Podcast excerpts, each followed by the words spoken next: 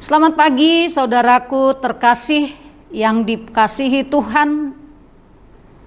Pada akhir pekan ini kita akan disapa oleh firman Tuhan yang tertulis dalam Injil Lukas pasal 6 ayat 36 demikian firman Tuhan. Hendaklah kamu murah hati sama seperti Bapamu adalah murah hati. Gabe parasi roha mahamu, songon amamuna parasi rohai. Bermurah hati seperti Bapa. Yesus mengajak setiap orang supaya bermurah hati seperti Bapaknya. Bermurah hati tidak terbatas pada kerelaan berbagi harta, berbagi milik kita. Tetapi yang lebih dalam adalah sikap kita terhadap orang lain, yaitu bagaimana kita mengasihi, penuh pengertian, menerima perbedaan, dan saling mengampuni. Bermurah hati itu adalah merupakan perintah Tuhan yang harus dilakukan oleh setiap orang yang percaya yang sudah beroleh kemurahan dari Tuhan. Lalu, kepada siapa saja kita bermurah hati?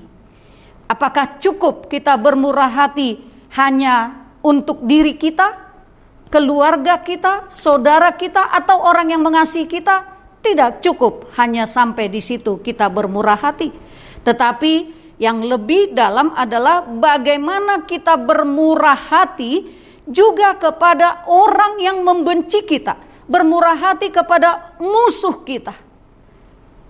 Itu yang paling sulit untuk kita lakukan di dalam kehidupan kita.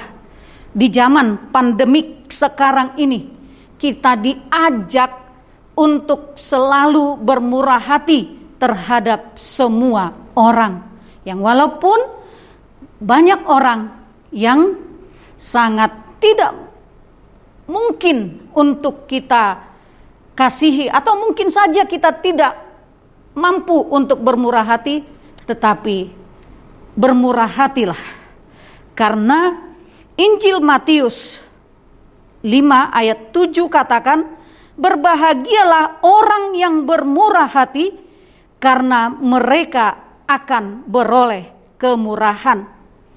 Apakah upah yang kita dapatkan ketika kita bermurah hati?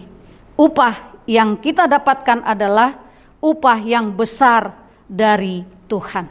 Oleh karena itu, saudaraku, kita terpanggil untuk menjadi orang yang bermurah hati, sama seperti tiruan, keteladanan yang sudah diberikan oleh Tuhan. Jika kita memang betul-betul orang yang menerima kemurahan dari Tuhan, mari kasihilah saudaramu yang lainnya. Tuhan Yesus memberkati. Ingat selalu protokol kesehatan, pakai maskernya, cuci tangannya, jauhi kerumunan. Bapa di surga, Terima kasih atas firman-Mu yang mengajar kami untuk selalu menjadi orang yang murah hati karena Tuhan sudah terlebih dahulu memberikan keteladanan kepada kami menjadi pemurah bagi semua orang. Terlebih ajar kami Tuhan untuk selalu bermurah hati kepada musuh kami. Terima kasih Tuhan Yesus, dengar doa kami ini. Amin.